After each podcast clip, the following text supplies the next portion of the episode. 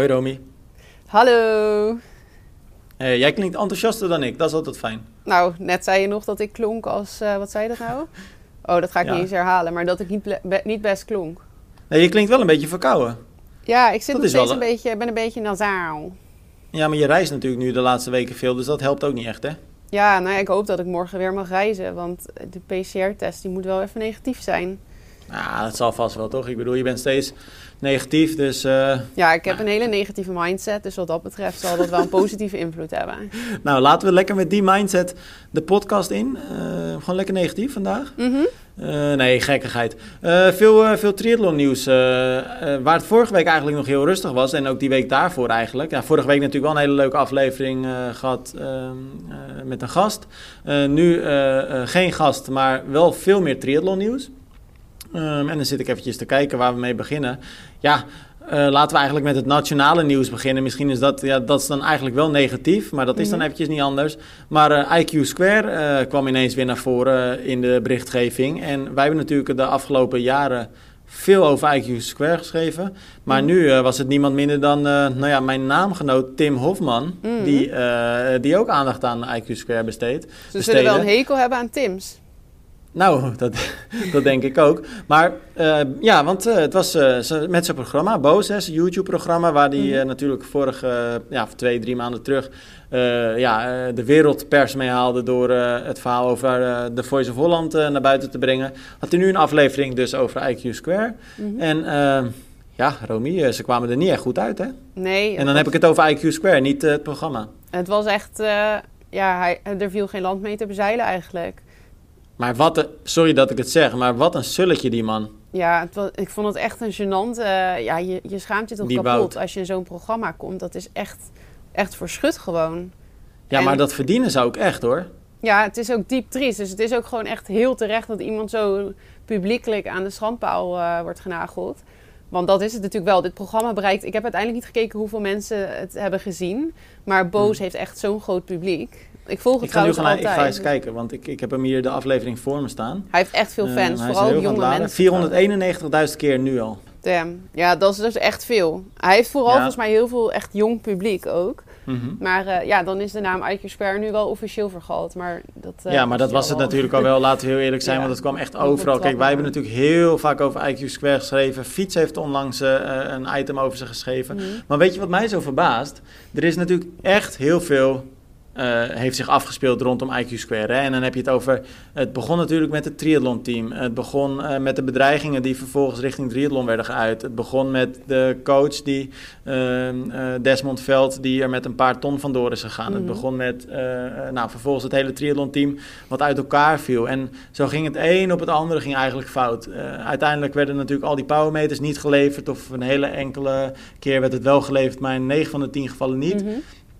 Eh, geld verdween, eh, één grote flop. Maar wat me dus verbaast, eh, nou, ze stonden daar voor, die, voor dat pand daar in Hillegom, is dat geloof ik ook, dat kantoorpand. Er staat de ene dure Tesla naast de andere. Maar wat me zo verbaast, ze staan dus helemaal vol met hun mond vol tanden. Hè? Ze Mhm. hebben geen idee wat ze moeten zeggen. Het, dus komt zo het is ook niet zo- over. Ja, ze hebben, geen, geen, ze hebben ook geen enkel weerwoord of zo. Nee, het zijn niet echt misschien nog heel, hoe zeg je dat, ervaren oplichters. Nee, maar dat is toch opmerkelijk. Je zou toch op zijn minst verwachten dat ze rekening ermee houden dat dit een keer gaat gebeuren. Ja, want eh, jij hebt dan toch ook al mails gehad en zo. Volgens mij over het algemeen is er dan al contact, hebben ze dan al eerder contact proberen te zoeken, denk ik. Ja, boos niet, denk ik hoor. Ja, Want ik- denk wel dat zij er echt voor kiezen. Nee, want zij kiezen er echt wel voor om je te overvallen, zodat je, nou ja, dat je wel, ja, dat je niet echt ja. kunt voorbereiden natuurlijk. Ja. Ja, en dat is dan natuurlijk ook al wel omdat mensen dan al honderd keer berichtjes hebben gestuurd. En als het ook een beetje zwak als boos een bericht gestuurd, dat het dan in één keer wel allemaal kan. Precies. Maar het, het was echt gewoon gênant. En ook gewoon extra gênant dat hij in zo'n Tesla of zo zat. Eh, Zo fancy, ja. Het is echt... eh, Hij zat echt te Triest, kijken als een, als een bang schaap, hè, die Wout. ja, er kwam echt niet zinnig uit, zinnigs uit gewoon. Nee. Maar ja, wat moet je er ook Nou, ik- over zeggen ik- als je zoiets hebt gedaan? Ja, wat...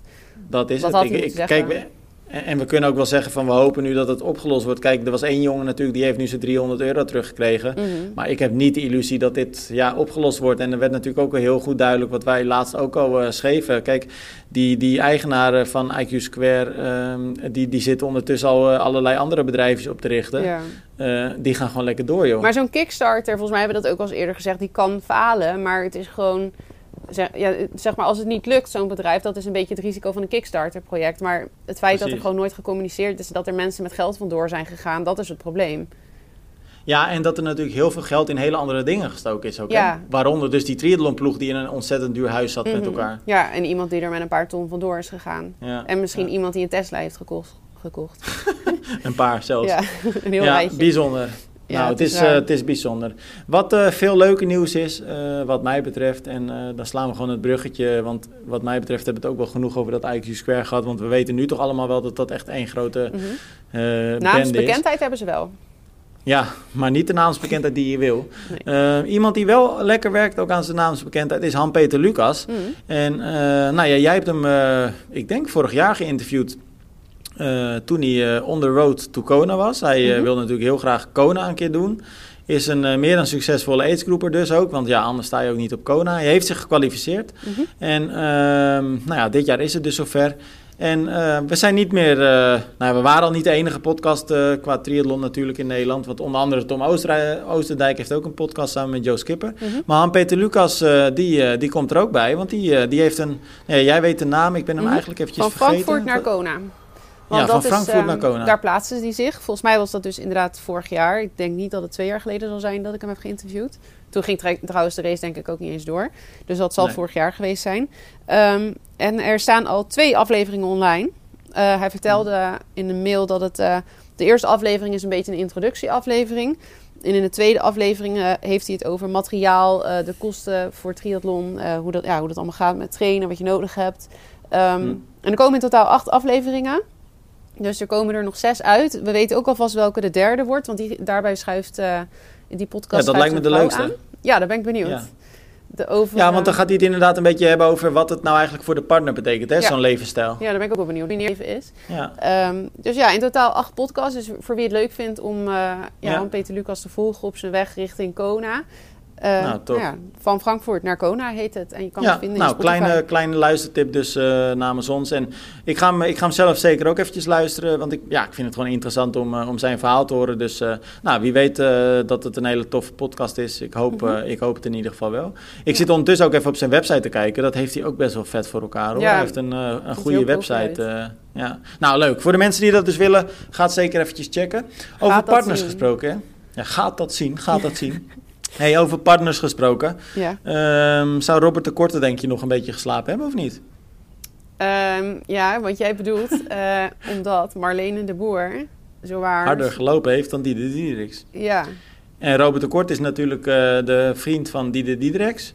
En ehm, nou is het niet wat mij betreft heel verwonderlijk dat Marlene de Boer ehm, eh, sneller gelopen heeft dan Diedericks. Want het zijn natuurlijk allebei hele succesvolle triatletes. We hebben het natuurlijk over eh, ehm, eh, de wedstrijd op, op Lanzarote, Volcano Triathlon.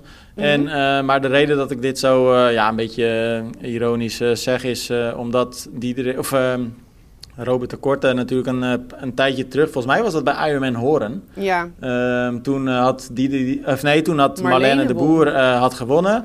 En, eh, en de, nou ja, dat was gewoon een hele knappe prestatie. Maar volgens Robert de Korte was eigenlijk de looptijd van Marlene toen ja, eigenlijk ronduit slecht. En dat had hij toen ook online ja gezet. wij hè, hadden dat, geschreven van knappe looptijd of zo. En dat vond hij overdreven of zo, geloof ik. en dat was geloof ik 1,24 of zo uit mijn hoofd, zoiets. Ja, Eh, ik weet het maar niet het is wel grappig, want hij, vond dat dus niet, want hij vond dat dus niet goed. Maar nu eh, verliest de eigen vriendin eh, op het lopen. Dus ik kan me voorstellen dat dat best pijnlijk is dan. Ja, nou ja, ja, het leek toen een soort van alsof het een eh, beetje een misgun eh, opmerking was, zeg maar, richting Marlene. Maar ja, ik weet verder ook niet hoe dat, ver, hoe Nee. dat bedoeld was. Maar nou, dat zoeken ze ehm, zelf ook maar uit, toch? Ja. In ieder geval hard genoeg afgelopen weekend om, die de Ja. In te halen, blijkbaar. En ze, ja.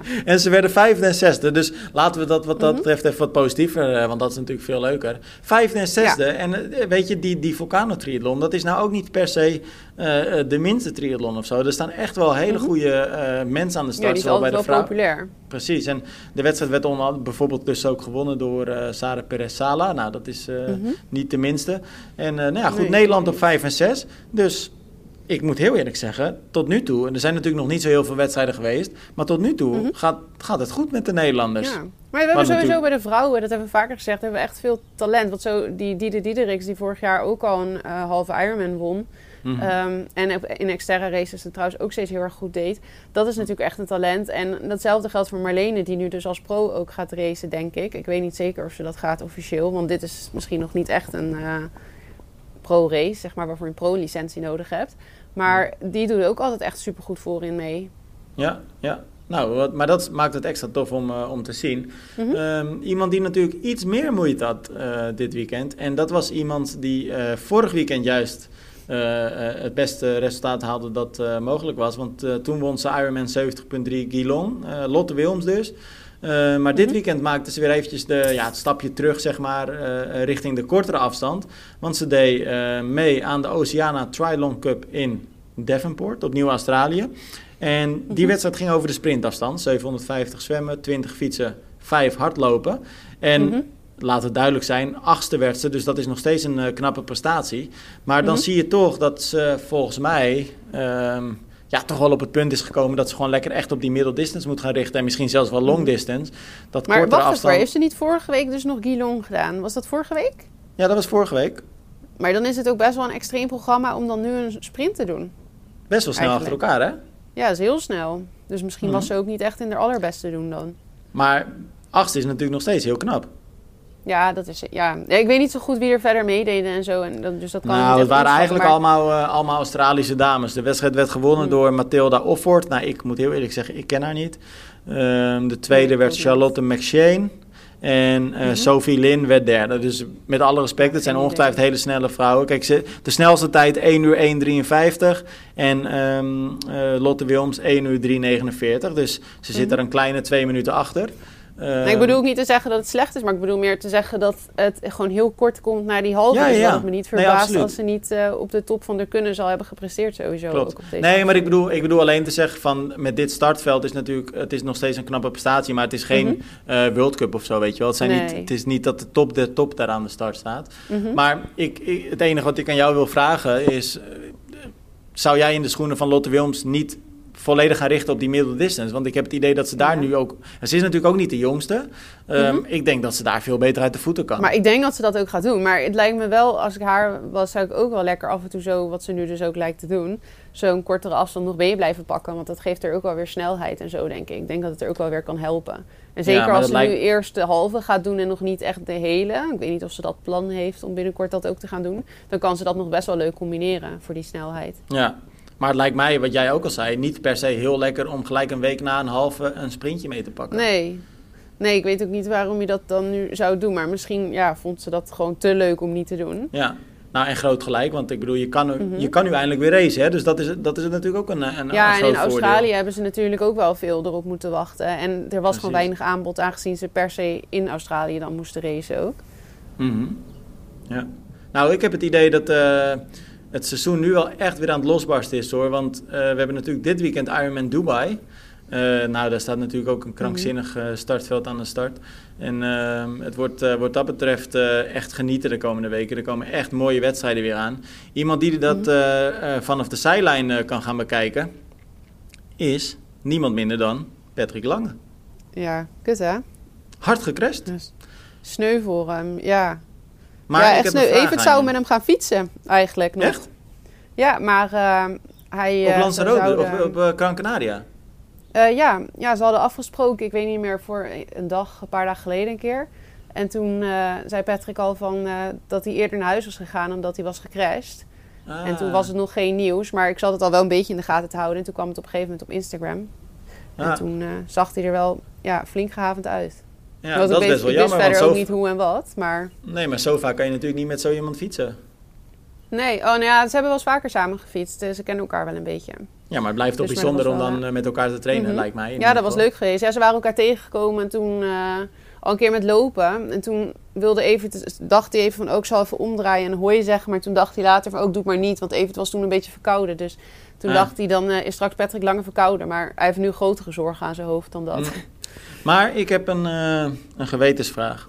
Oh, Want, ehm jij zegt flink ga. Nee, nee, nee, helemaal niet. Nee, nee, nee. Maar ik, ik, nee, ik, heb, ik heb er een interessant gesprek over gehad. En ik ga, eh, Oh. ja, het is op zich best gevoelig onderwerp, denk ik. Dus ik zal niet zeggen met wie. Eh, Oh. Maar jij zegt net ook, hè, van het, hij ziet er gehavend uit. Heel eerlijk, als ik naar hem kijk, ik zie dat hij een mitella om heeft. Hij ziet er Mhm. alles behalve zwaar gehavend uit. En Ja. ehm, ehm, ik, ik las dan ook wat, wat de schade is, hè. Nou, Mhm. ik ga het niet eens proberen uit te spreken, maar het is een gewricht in de schouder met een naam. Ik, ik zou niet weten hoe ik het moet uitspreken, maar het gaat om een bepaald schoudergewricht.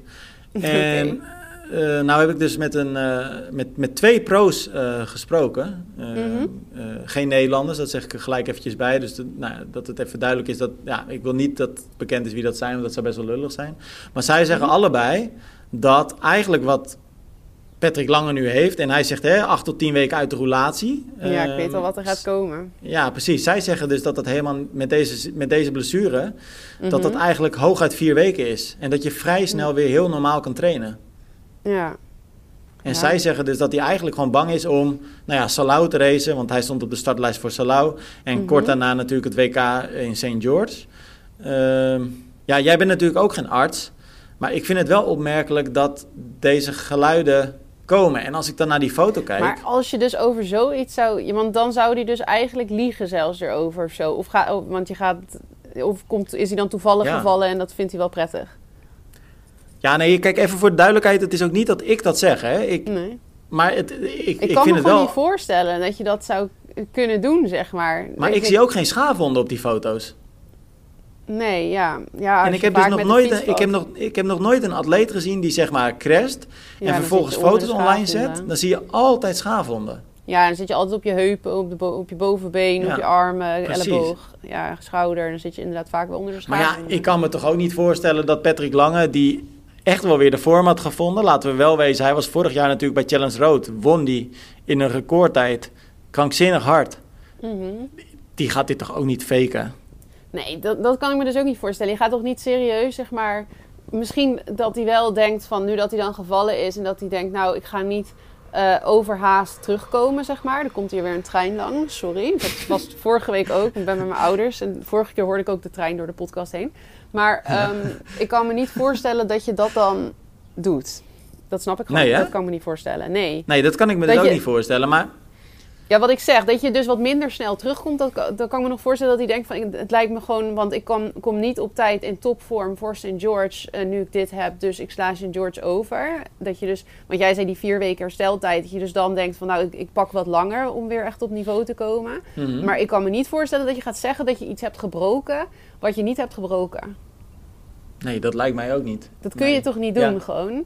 Nee, ja, dat, dat lijkt mij ook. Maar ja, maar oh, die pro's met wie ik gesproken heb, die zeiden dat ook niet. Hè? Die zeiden alleen van wat hij zegt met zijn acht tot tien weken, dat, dat slaat nergens op. Met Dat is overdreven, zeg maar. ja, dat, Dat, dat is gewoon echt niet, niet aan de orde met wat hij heeft. Nee, ik denk ja. dat hij dan niet eh, erover ligt dat, dat wat hij heeft, dat hij dat gewoon echt heeft. Maar dat hij gewoon denkt van, eh, dit gaat me te veel kosten aan energie om nog in topvorm te zijn in St. George. En dat hij denkt, dan heb je daarna Kona en dan ga ik liever alles op Kona zetten. Plus, Kona ligt hem beter, schijnt, qua parcours.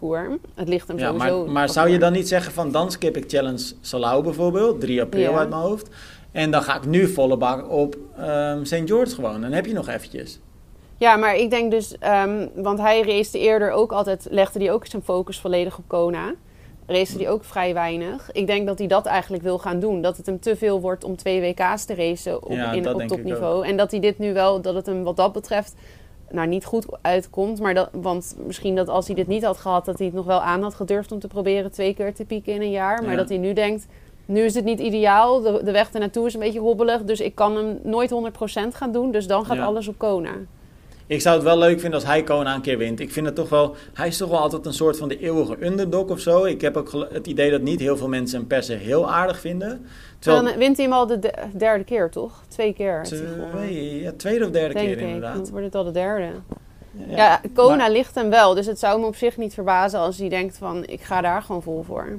Ja. Hm. Nou ja, we gaan het in de gaten houden. En uh, ik sluit me helemaal aan bij wat jij zegt. Ik kan me niet voorstellen dat... Het is een aansteller gewoon. ja, ja, het is een loser eigenlijk. Nee, nee, nee. Ik kan me gewoon niet voorstellen dat je dit inderdaad verzint. Nee, dat, dat, kan, dat kun je gewoon... Als dat zo is, dan kan je gewoon niet menen dat je dan... Maar je moet toegeven, Romy, het is wel gek dat, er geen, dat je gewoon nergens schaven onder ziet. Dat is echt wel gek. Ja, misschien is hij heel knullig gevallen of zo. Dat kan ook nog. Dat het echt iets heel Ja, nee, maar hij scheef. Hij scheef echt harde crash en zo, dus... Ja, dat is waar. Dan is het niet een knullig valpartijtje. Ja, ik, me, ik kan het me gewoon niet voorstellen, ja. Nee, nee, nee, ja, ik ook niet. Nou ja, maar goed, het is ook, wat dat betreft is het ook, uh, is het ook gissen. Dus uh, we weten dat, uh, weten dat toch niet. Maar um, nou, het is in ieder geval een beetje enigszins opmerkelijk, toch? Het is jammer sowieso. En nou, opmerkelijk, ik, ik wil het niet eens opmerkelijk noemen hoor. Want nee, dat, dat durf ik ook nog niet eens te zeggen. Ik vind jou wel echt in de... Je bent eigenlijk zo negatief als je begon, deze podcast. Zo positief ben je nu. Dat vind ik wel mooi hoor. Ja, moet toch ook een beetje tegenhangen tegen jouw negatieve geluiden. Ja, maar ik, ik vind het ook fijn. Want ik denk ook als Anton bijvoorbeeld nog luistert of dingen op Google zoekt, dan heeft hij deze positiviteit nodig. En, en dat is gewoon fijn. Ja, precies. Anton. Anton. Oké. Hey, uh, bruggetje. Uh, zo snel als Anton dingen zoekt op Google, ja, zo, snel loopt Yalem Zerf Yehualaba. En ik verwacht niet dat ik het nou per se helemaal goed uitspreek, maar zoiets zal het ongeveer zijn. is nog moeilijker dan dat schoudergewricht, denk ik. Nou, maar inderdaad. Ja, hoe zou je dat uitspreken? Yehualaba? Nou ja, in ieder geval een uh, Ethiopische loopster. Uh, mm Ja, ik zeg het nog één keer, ik denk het toch hoor. Yalem Serf Yehulawa. Uh, maar die liep dus uh, afgelopen weekend het wereldrecord op de 10 kilometer. Nou oké, okay, het is niet helemaal triathlon, maar weet je, het heeft zoveel uh, ja, verwevenheid met onze sport natuurlijk, dat, uh, dat ik dit wel het, het, het, benoemen waard vind. 10 mm -hmm. kilometer, nou hou je vast Romy, 29 yes. minuten 14 op de weg, krankzinnig. Ja, knap. 29, knap. 14. En uh, voor de mensen die het artikel niet uh, gelezen hebben, uh, we hebben natuurlijk eventjes snel berekend. 29 minuten 14 over die 10.000 meter. dat komt mm -hmm. neer op een gemiddelde snelheid van 20,52 km per uur. En dat ja. betekent ook tegelijkertijd weer een gemiddelde kilometertijd van 2 minuten 55. 10 kilometer Dan haal lang. je heel veel mannen in. Dan haal je, uh, sterker nog, je blijft gewoon al die mannen ook heel vaak uh, voor zelfs. Ja. Het is, ja, dat is ongekend. echt hard. Dat is echt hard. Dat, dat halen mensen op een stadsfeest niet. Nee, ik ken daar, ik, haar naam, maar dat zal wel aan mij liggen hoor. Maar die naam kende ik ook niet. Eigenlijk. Nee, ik eerlijk gezegd ook niet. Het is een loopster die uh, toch al wel enige uh, wedstrijden gewonnen had. Ze specialiseert zich echt op de 10 en de, en de halve marathon. Mm. Maar ja, we hoeven hier ook niet per se heel lang over door te praten. Maar um, wat ik wel mooi vind, zij is ook een, een, een loopster van het NN Running Team. En Mhm. um, ik weet nog toen, het, uh, toen dat team echt inmiddels al wel behoorlijk wat jaren geleden werd gelanceerd. Met het idee van we brengen heel veel toplopers bij elkaar.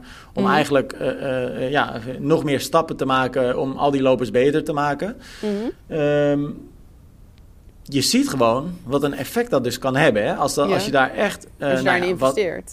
investeert, inderdaad, qua geld, qua tijd, qua Mhm. accommodatie. Um, nou, ging bij IQ Square natuurlijk dus wat minder. Uh, maar Toch maar het kan, negatief. nee, maar het kan dus wel. En Ja. um, dit is wel echt iets waar je als triathlonend... Uh, nou ja, tri nou ja, tri ja, wat, ik weet niet wat ik nu wil zeggen. Nee, ja, maar waar, waar je gewoon als triathlon sport eigenlijk in het geheel gewoon naar zou moeten kijken. Mhm. Want ik heb het idee dat als je dit een soort uitbouwt met allerlei profatleten... Nou, Mhm. ongekende prestaties kun je dan gaan krijgen, denk ik. Ja, ja, ik geloof inderdaad er wel in dat als je er... En in triathlon ontbreekt dat natuurlijk nog best wel erg. Mhm. Dat als je erin investeert, dat je dat... En wat ook zou moeten... Of, fijn, ja, als zeg maar al die onderdelen... Dat de triatleten die kunnen nog steeds met zwemmen, fietsen en lopen... qua tijd gewoon veel dichterbij komen bij Mhm. hoe hard je kan gaan op zo'n onderdeel. Als je snapt wat ik Mhm. bedoel. Ja, ja. Dus Nou. dan kan het... Nou ja, net zoals dat ze het er nu over hebben natuurlijk met die sub 7 en die sub eh 8 voor de vrouwen. Ja, dat schuift gewoon nog steeds op. En het leuke aan triathlon is dat het nog best wel veel op kan gaan schuiven. Ja, ja. Maar weet je wat ik dus zo bizar vind met, die, met, met dit soort tijden? Ik deed dus afgelopen zondag. eh, ik heb nu best wel vrij intensieve weken gedraaid. Veel, in, in februari ook echt veel uren gedaan. Mhm. Maar dan liep ik zondag bijvoorbeeld een duurloop 19 kilometer. En dan met 10 keer 1 minuut eh, versnelling. En dat was geen maximale versnelling, maar wel gewoon echt flinke prikkel. En dan loop Mhm. ik dus, nou, ik, ik geloof dat ik dan eh 3,40 liep of zo. En dus dat is gewoon prima te doen. Maar je- het is Mhm. wel gewoon dat je denkt van, nou, dit is flink doorlopen. Maar dan bedenk je je dus dat die, zo'n vrouw, die loopt dus, eh, waarbij ik vrouw helemaal niet negatief bedoel, hè, maar gewoon, die loopt dus een minuut ongeveer sneller. Vrouw, en, ja. ja, nee, nee, nee, maar zo bedoelde ik het. Ik hoorde Nee, het mezelf zeggen. Maar dan loop je dus, die lopen dus 50 seconden sneller ongeveer. Mhm. En dat 10 kilometer lang, hè. Dat, Ja, is niet normaal, hè? dat is echt niet normaal. Nee, Want ik denk, dat als ik, ik, ik denk als ik nu een, een losse kilometer zou moeten, nou, volle, volle bak. Mhm. Ik, ik denk dat ik niet eens onder de drie minuten kom. Ik denk echt dat ik rond de 3.10 loop of zo, 3.5 Ja. misschien. Maar zij lopen dus 2.55. Ja, de beste manier 10. om erachter te komen wat dat soort dingen betekenen... is door het inderdaad eens een keer te proberen. En Ja. dan kom je er wel achter hoe hard het is. Net als Ja, toen ik de Kipchoge Challenge deed. Is Evert nog steeds boos of niet? Of is hij een beetje afgekoeld inmiddels? Ja, hij heeft nog steeds een verhoogde hartslag van de stress daarvan. Oké, Het is ook wel een wonder onderwerp. dat ik niet tegen de muur ben gevlogen. Next. Dat had ik heel graag willen zien, dat je gewoon echt gelanceerd werd of zo. Oh. Ja, maar dan had ik een hele tijd niet kunnen werken. En dan was ik de hele tijd uit, eh, uit eh, hoe noem je dat? Uit de Uit relatie. Hoe noem je dat ook weer? Uit de relatie. Oh ja, uit de relatie geweest. Net zoals Maar dat, eh, dat, dat is mij gisteren ook bespaard gebleven. Hè? Want wij hebben gisteren eh, eh, met nou ja, verschillende bedrijven hebben we een soort kantooruitje gedaan. Jij was er helaas niet bij, want je Mhm. was natuurlijk aan het reizen nog, terug naar Nederland weer. Maar Ja, jammer. ehm, Vond ik wel echt jammer. was, nou, het was leuk, want we hebben... eh, ja, niet dat je er niet bij was, maar het was leuk wat we gedaan hebben. Want we hebben dus... Dat was in Almere en dat was een soort... Ja, eh, we hebben hier een kassengebied in Almere buiten. Nou, de mensen van Challenge, die die challenge wel eens gedaan hebben, die kennen het ongetwijfeld. Want als je de dijk naar Lelystad opsteekt, zie je het eigenlijk aan je rechterhand liggen. Dan zie je al die kassen rond de Oostvaardersplassen. En daar is dus één kas, hebben ze helemaal omgetoverd tot een ja, indoor mountainbikebaan. En dat klinkt eigenlijk heel suf, vind, vond ik in ieder Maar geval toen ik het hoorde. vet uitzien. Ja, want dat was, ja, en dan heb je eigenlijk nog niet het echt toffe dingen gezien. Want ze hebben echt nou, van die ramps gemaakt en echt jumps, watervallen, eh, losse stenen, eh, hele technische gedeeltes, klimmen, dalen, jumps allemaal. Echt, alles wat je eigenlijk maar eh, zou willen als mountainbiker. Maar ze hadden Mhm. dus ook, ja, het was echt heel gênant eigenlijk. Want ze hadden dus ook een soort wip gemaakt. Dus dan rij je erop. Nou, en dan Oh ja. eh, rij je naar voren en dan klapt hij dus eigenlijk naar beneden. En Ja. nou, ik had dat, dat ding dus drie keer gepakt en dat ging eigenlijk prima. En eh, toen stond er dus ehm, ehm, nou, iemand eh, met wie ik ook wel eens werk, stond, stond eigenlijk daarvoor te, stil, die stond te kijken. Dus ik zei, joh, je kunt hem wel pakken, want hij ziet er eigenlijk moeilijker uit dan dat hij is. En Mhm. toen zei zij, ja, ga jij maar. Ik zeg, ja, dat is goed, laat het wel even zien. Oh nee. en toen, en ik, nou ja, het was dus al drie keer goed gegaan, maar op de een of andere manier verloor ik dus op dat moment, eh, ja, toch even mijn evenwicht. Nou, Oh, en ik, God. ik had het geluk dat ik als een soort eh, kat, ik denk dat het een soort katachtige sprong was. Dus die fiets die lanceerde als het ware helemaal naar voren. En ik kwam eigenlijk, ik, ik vloog er een soort van achteruit af. En ik landde op mijn voeten en op mijn handen achterover. Dus ik kon mezelf nog net opvangen. Maar dat was wel Ja? echt het moment dat ik dacht van, oké, ik ga hier wel mee stoppen. Want als je nu je enkel breekt of je arm of zo, dan kan je ook gewoon straks niet, Ja, eh, niet, challenge road doen. dingen. Ja, dat is, dat, dan is het hartstikke leuk om Nee, te doen, maar ik ben dan toch ik. bang. Ja, je had Geluk- geluk denk ik met je judoka-achtergrond ook dat je er zo af, af kon eh, springen. Nou ja, dat, dat is al zo lang geleden. dat maar het was toch een soort daar heb je Maar, aan, denk ik hoor. ja, ja, misschien, maar dat, ik, ik heb geen idee. Maar ik was in ieder geval, het was wel het moment dat ik dacht van nou, het is leuk, maar ik ga wel eh, lekker langs de, kant, langs de kant kijken. dat want zijn geen zou wel dingen die je moet doen. Ja, nee, dat, zijn eigenlijk moet je dat. Maar het, is dan, maar het is dan te leuk om niet te doen of zo, toch? Ja. Ja, snap ik. Wij hadden dat dus nu Nou. in Gran Canaria, waren van die boten met zo'n soort banaan-ding erachter, weet je wel. ja, ja. En mijn nichtjes, eh, die waren ook mee van, eh, wat zijn ze, 15 en 8, nee, 15 en, nou maakt niet uit hoe oud ze zijn, ze zijn nog jong. En eh, die wilden dat dus graag doen. En ehm Evert en ik wilden dat op zich ook wel doen. Maar ja, toen voor, ja, voor Evert is dat gewoon eigenlijk helemaal geen optie. Dat is gewoon veel te dom om dat te gaan doen voor een Ja. seizoen. Dat, dat, dat zou je ja, want je kunt zijn, echt want- keihard op dat water vallen, ja. Ja, we kennen ook een triatlete die heeft de rib zo gekneusd. En uh, jij had dat ook een keer een gekneusde rib. Daar kun je echt lang zoet mee zijn. Nee, ik had hem gebroken toen. Maar dat is eigenlijk minder erg. Ja, ik had hem oh. gebroken. Dat was, maar oh, dat, was, dat was natuurlijk al helemaal een raar verhaal hoe dat toen is gebeurd. Over judo gesproken. ja. Maar goed, uh, dat gezegd. Ja, ik snap, ik snap heel goed dat je dat dan skipt. Maar dat is wel jammer, want eigenlijk is het wel leuk om dat dan gewoon een keer te doen. Ja, dat is echt lachen. We hebben trouwens ook een keer wel gedaan hoor. Maar dat was waarschijnlijk een domme, een dom momentje. Stouterts. Stouterts. Ja. Wat? Stouterts, dat jullie dat wel een keer gedaan hebben. YOLO. YOLO. hey, uh, Romy, om hem af te sluiten. Uh, die gekke dingen moet je dus niet doen. Eén ding wat je wel moet doen, wat mij betreft. Kijk, ik ga het natuurlijk wel doen. Jij zal wel weer uh, geen acte de présence geven. Maar mhm. aankomende zaterdag is het de tweede groepsrit op Zwift. De groepsrit die we natuurlijk vanuit Triathlon organiseren. Dit keer in samenwerking met Athlete Sports World. En um, nou, we, na het succes van de vorige rit. Um, uh, nou, was echt heel tof om te doen. Toen reden we natuurlijk 100 kilometer. Uh, lekker rustig tempootje, dat zal nu uh, niet anders zijn, zodat lekker iedereen kan aanhaken. Dus dat betekent dat we tussen de 2 en de 2,5 watt per kilo gewoon gemiddeld trappen. Um, goede tip, Um, zorg eventjes dat je de normale fiets selecteert, uh, niet de TT-bike. Want daar ging het natuurlijk vorige, vorige keer een beetje mis dat een aantal mensen op een TT-fiets uh, reden, waardoor ze niet het draftvoordeel hadden. Dus die mhm. moesten zich natuurlijk helemaal het, het leplazeren strappen eigenlijk. Dus het geen rustig ritje meer? Nee, die gingen helemaal kapot, wat logisch is. Um, Dus let daar eventjes op. We gaan van start om uh, eh, 8.30 uur Maar wat misschien wel leuk is om te vertellen, want toen dus 100 kilometer. Wat we nu doen om het nog iets uh, uh, laagdrempelig, laagdrempeliger te maken, is 50 kilometer. En na die 50 kilometer um, kunnen mensen eigenlijk op eigen houtje nog 50 kilometer doorrijden, mochten ze dat willen. Ik weet eigenlijk nog niet eens zeker of ik dat ga doen, want als het mooi weer is, ga ik denk ik daarna naar buiten door. Uh, Maar dus lekker 50 kilometer rustig trappen. We pakken het rondje Caspe, ja, hoe spreek je dat uit? Caspaté of zo in Frankrijk. Is een redelijk vlak uh, rondje met twee kleine kommetjes. Dus uh, ja, zaterdag half acht. Uh, gratis meedoen. Op de website kun je zien hoe je, hoe je kunt joinen. Want je moet heel eventjes mij toevoegen in de Swift Companion app. Anders kan ik je nooit uitnodigen. Dus dat uh, moet helaas. Mocht je dat vervelend vinden, gooi me na de groepslid gerust. Nou ja, ik kan me voorstellen dat je dat niet leuk vindt of zo. Gooi me dan gerust daarna er weer af. Maar het kan helaas, ja, het kan dus niet anders dan mij nu eventjes toe te voegen in ieder geval. Ehm, nou ja, dat, dat eigenlijk. Gaat dat zien? Nou, maar dat is hartstikke leuk. Want dat was vorige keer ook om het weekend mee te openen. En dat was hartstikke gezellig. Toen waren er, hebben we alles bij elkaar, denk ik, 30 of 40 rijders gehad. En je hoeft ook helemaal niet de hele rit mee te rijden. Je moet alleen even zorgen dat je dus bij de start erbij bent. Want anders kun je niet, uh, ja, je kunt tot een half uur na de start kun je aanhaken. En anders kan het niet meer. Uh, hm. Maar ja, hartstikke gezellig. Chatfunctie staat open. Dus je kunt met ons en met ook alle andere deelnemers uh, chatten. Je kunt lekker eh, ook de eerste 20 kilometer mee fietsen. 30, gewoon lekker wat je zelf fijn vindt. Sprintjes mag je natuurlijk pakken. Dus nou, volgens mij hartstikke tof. Leuk.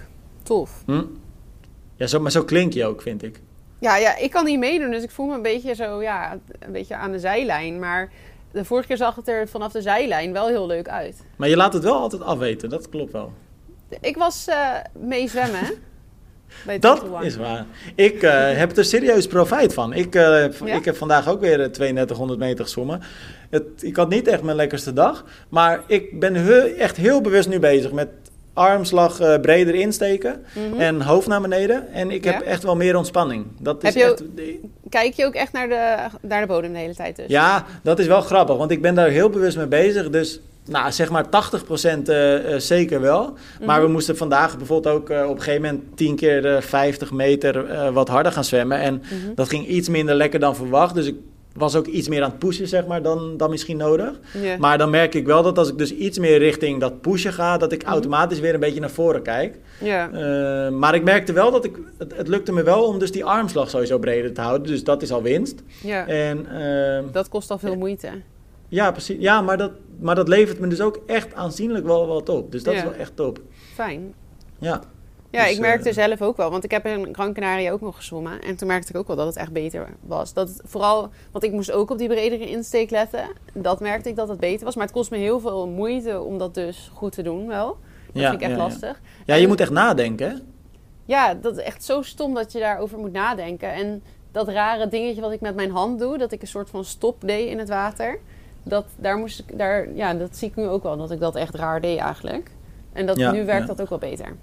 Ja. Het was ook heel onlogisch dat is heel dat gek. ik dat deed. Ja. ja, dat was heel gek hoe jouw hand ging inderdaad. Ja, ik deed een soort dolfijn. Ja, ja, het is heel apart. Ik, het was grappig, want ik, ik was dus net aan het zwemmen vanochtend. En toen deed ik dat voor de... Want toen was, moest ik er ook eventjes aan denken. En toen deed ik eens Mm. even wat jij deed, gewoon eens om te kijken. Maar dat voelt ook heel... Ja, je, Ja, je staat eigenlijk gewoon gelijk stil. Ja, je houdt jezelf gewoon tegen. Het is echt heel dom. Ja. Ja, nou, wel, maar Ja. wat dat betreft is het wel echt tof dat je dat op beeld ziet. Want dan Mhm. ben je daar wel echt van bewust. Terwijl je dat normaal nooit ziet. Nee, ik heb daar, daar heb ik ook echt nooit over nagedacht dat dat iets is wat ik niet goed deed of zo. Nee, nou, grappig. Oké, Romy, dan eh, zit het er weer op. Het, eh, het is al... eh, ja, dan we hebben al aardig volgende week weer. Ja, nou, waarschijnlijk wel. Ja. Wat zei je? Ik hoorde het niet. Waarschijnlijk wel. Ik Ja, denk, ik reageer wel. maar normaal, maar er viel iets weg. Er viel een woord weg, dus ik denk, ik reageer maar gewoon alsof ik denk wat jij, snap wat jij zegt. Maar je Ik heb nog één vraag aan je. oh, Toch nog. Deze podcast nemen we op op dinsdag, hè? Ja. En ik heb over een half uur een interview met Rita van Driel. ja. Zij is natuurlijk vertrouwenspersoon nu. Eh, van alle atleten bij de NTB, althans de topsportatleten. Maar ze is inmiddels ook eh, eh, ja, een soort leider van het bondsbureau. Zijn er nou nog dingen waarvan jij zegt, dat moet je echt vragen? Dat, moet je, dat willen we weten? Oh. Nou ja, ik ben wel heel erg benieuwd hoe het zat met Adrie. Hoe het zit met Adrie. Ja. Of ja. Ik ben heel erg benieuwd ehm, hoe het zit met die atleten van vroeger. Wat daar nu, eh, ja, hoe, dat gaat, hoe het onderzoek loopt en ehm, wat de bond daar nu voor rol in heeft. Mhm. Of die daar nog veel rol in hebben. Mhm. En ehm, ja, of ze al plannen hebben voor hoe het moet in de toekomst, zeg maar ook. Hm. Maar jij hebt niet echt, eh, merk ik al, eh, interesse in wie Rita zelf is. Is Oh, heeft ze huisdieren? Is ze een honden- of een kattenmens? Dat wil ik weten. Oké, dat ga ik voor je vragen. Dat ga ik echt voor je vragen. Oké. Nee, maar zonder dolle. Ik, eh, ik vind het fijn dat we even een gesprek met haar kunnen hebben. En, eh, Mhm. Want ze, Ja, ze heeft natuurlijk best, ja, ze heeft natuurlijk best wel een ja, een verantwoordelijke rol nu. Eh, Mhm. Of of van, ja, veel verantwoordelijkheid, eh, moet ik eigenlijk zeggen. Maar ik ben ook wel benieuwd hoe zij, er, hoe zij het vindt om in één keer... Want zij rolt nu zo de NTB binnen. Hoe het, eh, gewoon een hele open vraag, maar hoe het er is bevallen zo... ehm, Ja, maar ook wat vindt ze nu van de sport, hè? Want zij komt natuurlijk ook helemaal niet uit de triathlonsport. Ja. ja, en hoe ze het vindt, ja, wat ze daarover... eh, ja, hoe dat er tot nu toe allemaal bevalt eigenlijk. Ja, nou, we gaan het eh, eh, op de dag dat de podcast uitkomt, woensdag dus, denk ik al eh, online zetten. En anders morgen, Mhm. donderdag. Ehm, maar ehm, nou, dan weet je in ieder geval dat ik dat gesprek zo heb. Ik ben benieuwd. Ik heb er zin in. Ik vind het leuk om maar eventjes persoonlijk Ja, en leuk. rustig te spreken. En ehm, Mhm. ik, hoop, ik hoop ook vooral dat we er een goed gevoel aan overhouden. Want ik, ik denk dat het heel belangrijk werk is wat ze nu, nu doet. Dus ik hoop dat Ja. dat gedegen en, en goed gebeurt. Ja. ja, ik ben heel benieuwd wat ze erover vertelt. Alright, Romy. Spreken wij, spreken wij elkaar volgende week weer? Ik zou zeggen, succes met al je eh, eh, testen die je nu de komende dagen weer gaat hebben. Succes ook met je goede Thank you. terugreis, hopelijk. En dan eh, spreek ik je weer als je in de, onder de Zuid-Afrikaanse zon zit. Ciao, gaan we doen. Tja. hoe, hoe, doe, hoe, doe, hoe doe je dat? Ciao, gaan we doen. Ciao. Gaan we doen. Gaan we doen. Alright, see you later.